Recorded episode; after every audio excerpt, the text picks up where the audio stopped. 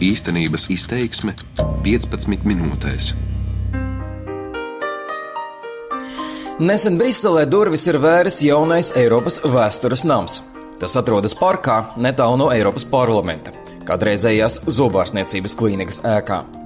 Muzeja autori saka, ka tas ir mēģinājums paskatīties uz Eiropu un tās vēsture no putna lidojuma, pāri valstu un valodu robežām, lai saprastu, kas tad īsti veido mūsu kopējo pieredzi. Ekspozīcijas veidošanā piedalījās arī vēsturnieki no Latvijas. Līdz ar to muzejā ir pārsteidzoši daudz eksponātu no mūsu valsts. Tādēļ šīs dienas raidījumā īstenības izteiksme stāstīsim par to, kādēļ šāda vieta bija nepieciešama un ar ko Eiropas vēstures nams atšķiras no daudziem citiem vēstures muzejiem. Lai to saprastu, es, Latvijas Rādio Briseles korespondents Arčuns Konahaus, devos ekskursijā pa Eiropas vēstures namu kopā ar vienu no tā kuratoriem Raivi Simonsonu. Savukārt mana kolēģe Māra Rozenberga par šo tematu Rīgā ir runājusi ar Latvijas vēsturniekiem un politiķiem.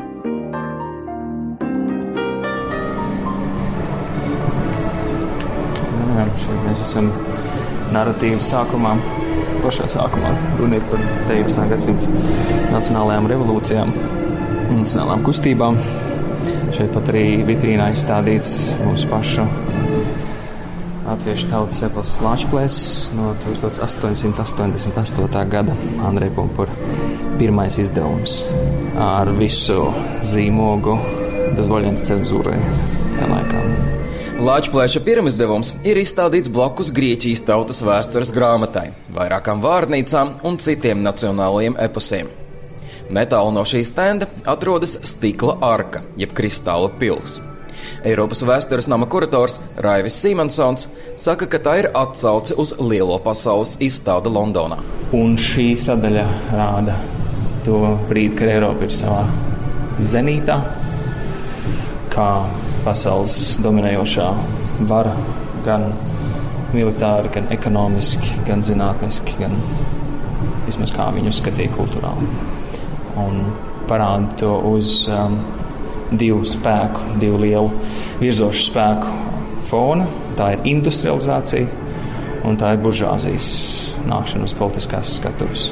Nākamo ekspozīcijas sadaļu atdala stikla durvis. Pirmais pasaules karš, ko viss precīzāk un simboliski raksturo tāda paša tipa Browning modelis, ar kādu tika nogalināts uh, troņa mantinieks Francis Ferdinands Sarajevo.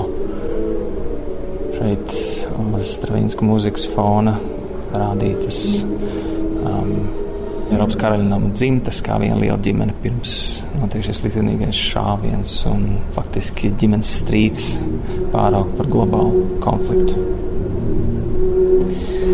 Šeit pat arī šī globālā konflikta atspoguļojums kartē ar paskaršu palīdzību. Ir parādot arī Pirmā pasaules kara frontes līniju, kur virzās pa Daugavu. Zīmīgi, ka blakus eksponātiem pārsvarā nav pilnīgi nekādu parakstu. Ekspozīcijā, kurā viss ir jāpasniedz 24 Eiropas Savienības oficiālajās valodās, nav iespējams rakstīt uz sienas. Ko var uzrakstīt uz sienas, ir tikai šie citāti. Kurators Simonsons norāda uz citātiem, kas no centrālās metāla instalācijas vijās cauri vairākiem Eiropas vēstures nama stāviem.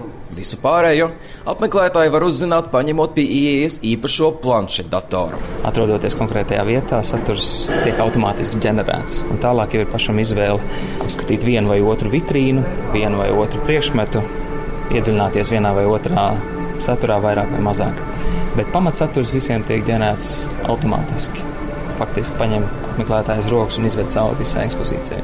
Turklāt apmeklētājiem nav vajadzības visu informāciju lasīt. Daudz teksti ir ierunāti, tostarp arī latviešu, kādēļ tos var klausīties kā audio gidu. Tās esot modernākās šī brīža muzeja tehnoloģijas, un Simonsons cer, ka kādreiz tas nonāks arī Baltijas valstu muzejos. Ceturks šeit ir visai dienai. Nākot kopā ar ģimeni, gan bērniem, ko darīt, gan, gan pieaugušiem, kam varētu interesēties nopietnāks vēsturisks saturs. Nu, tā pieredzes sajūta, un, un, un vairāk es domāju par vēsturi nevis kā stāstu, kas jāklausās, bet kā pieredze, kas ir jāsajūt, kas jāizjūt. Savukārt tā saka Siguldas pilsētas vidusskolas vēstures skolotājs Edgars Bajerons. Rīgā īpaši rīkotajā diskusijā par godu muzeja atklāšanai, jaunais pedagogs pasvītroja, ka ir par maz tādu vietu, kas liktu šodienas skolniekiem šādu pieredzi izjust. Es gan gribētu uzteikt Eiropas vēstures māju ar divām lietām. Viena ir mācību materiāli, stundu plāni, kas tur ir pieejami, lai mācītu no vēstures aspektu par diezgan tēmām, kas mums pašiem ir diezgan kutinošas - migrācija, dažādība, karš. Otra lieta, kas ir Eiropas vēstures mājā, manuprāt, ir tā iespēja izņemt ārpus skatu loga. Es ļoti gribētu aizvest savus skolēnus uz turieni, es ļoti gribētu nu, kā, paskatīties, bet tāda iespēja diez vai nu, mums būs. Un tas, tas man, manuprāt, otrs stāsts būs par to, ko mēs Latvijā šeit no tā muzeja koncepta varam mācīties, ko mēs varam paņemt. Tikmēr mēs kopā ar Raivu Simonsonu nonākam pie starpkara posma un jauno valstu dibināšanas. Blakus Grieķijas vēlēšanu urnām ir redzams arī plakāts no Latvijas, kas mudina iegādāties valsts obligācijas, lai atbalstītu tikko dibinātās valsts attīstību. Šeit pat arī pirmā Latvijas satversme, Latvijas konstitūcija no 1922. gada. Satversme ir izlikta blakus Lietuvas, Igaunijas, Īrijas un citu valstu konstitūcijām. Un augšā ir arī slavenā fotografija no neatkarības pasludināšanas brīža Nacionālajā teātrī. Nedaudz tālāk ir redzams arī vēl kāds plakāts. 30. gadu vidus, kad Eiropā ar vien mazāk valstu saglabā demokrātiju kā pārvaldes formu, un arī vairāk ienāk autoritāras vēsmas, tā skaitā kā ļomoņu režīms. Šeit mēs redzam dziesmu svētku plakātu kā ļūmaņu protektorātā 38. gada 18. un 19. jūnijā. Ar izteikti nacionālu patriotisku un labi dizainētu plakātu. Tomēr spilgtāko iespaidu šajā muzeja sadaļā atstāja lielas video projekcijas, kas blakus rāda kronikas kadrus no nacistiskās Vācijas un Staļina padomju savienības. Tas, kas palīdzēja scenogrāfiski šīm pretnostatījumam tikt arī parādītam ekspozīcijā, ir fotografija no 1937. gada Parīzes izstādes, kurā jā, atcaucam atmiņā tad uz Elizejas lauku fona stāv Parīzes um, Eiffeltornis. Kreisajā pusē mēs redzam nacistiskās Vācijas paviljonu ar ērgli un svastiku, un labajā pusē mēs redzam mūsu pašu Gustavu Kluču veidoto Padomu Savienības paviljonu ar Versmuhins dizainēto strādnieku un kolhoznieci, kas viens otru faktiski gluži tāpat kā šī izstādē konfrontē. Simonsons atzīst, ka šāda 20. gadsimta vēstures traģisko notikumu pasniegšana joprojām daudziem rietumos liekas neparasta. Nu, šī lielā sadaļa ir būvēta tā, ka kreisajā pusē viņi rāda demokrātijas attīstību. Un šajā labajā pusē ir tā konfrontācija starp nacistisko Vāciju un tās propagandu un staļinismu režīmu un tā propagandu.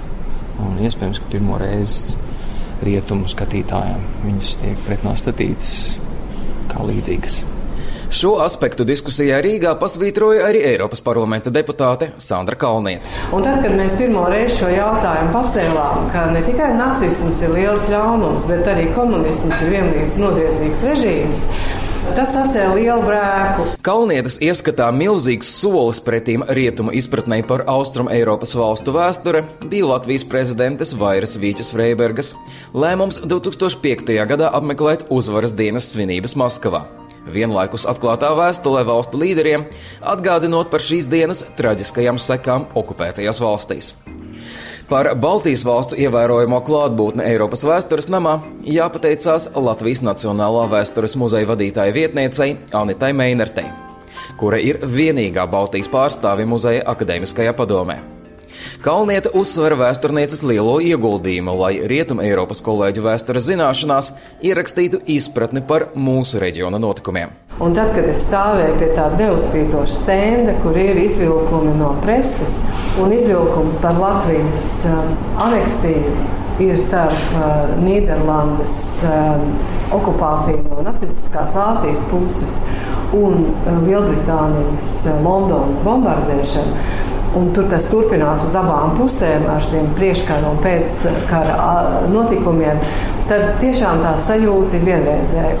Vienlaikus ļoti informatīvs un emocionāls. Tā Eiropas vēstures namu raksturo vēsturniece Anita Meinerte, kura šajā projektā ir strādājusi deviņus gadus. Viņa atceras kādu diskusiju par Staļina laika postošajām sekām, kur kolēģis sagatavotajā priekšlikumā bijuši aprakstīti vien 30. gadi. Es cēlos kājās un teicu, ka, protams, ka viss ir pareizi. Jā, trīs tie gadi, jā, tas ir noziedzības eh, šī e, būtība vispilnīgāk izpaužās. Bet kā tad ir ar laiku pēc otrā pasaules kara? Jo tā Eiropa ir sadalīta. Un ja, ja ir virkni valstu, kas ir dzelzs priekškars, es dzelzs priekškars, tā nav tikai Baltija, ja, tā ir arī Ungārija, Polija, tā ir Austrumvācija. Nu, katrā ziņā pēc šīs diskusijas es apsēdos, man deg vaigi. Bet katrā ziņā šī doma tik tālāk attīstīta.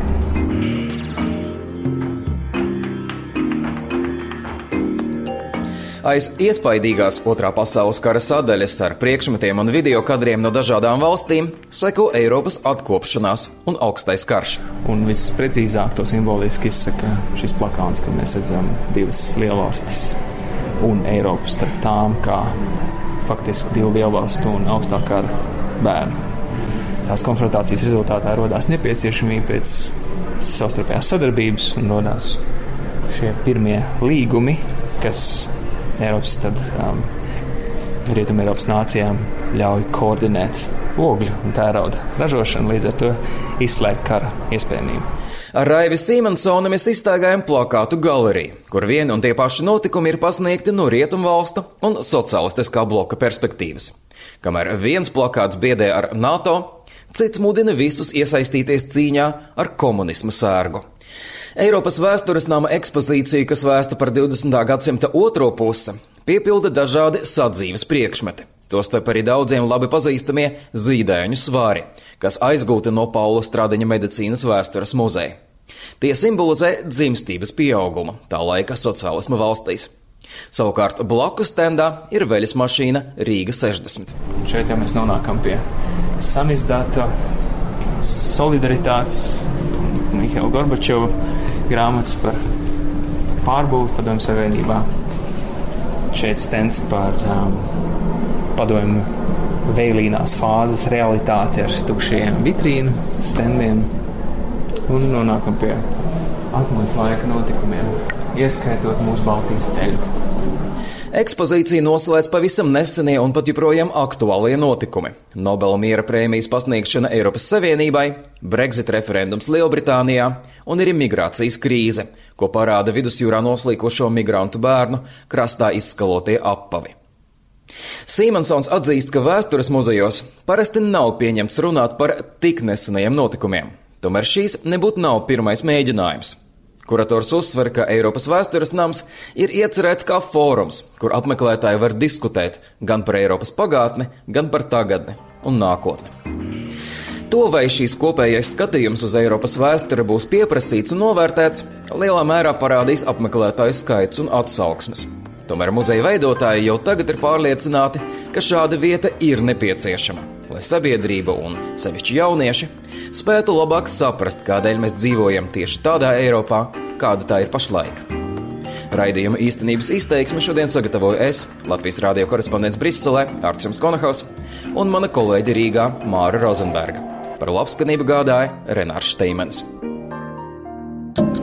Darbības vārds īstenības izteiksmē izsaka darbību kā realitāti. Tagatnē, pagātnē vai nākotnē, vai arī to noliedz.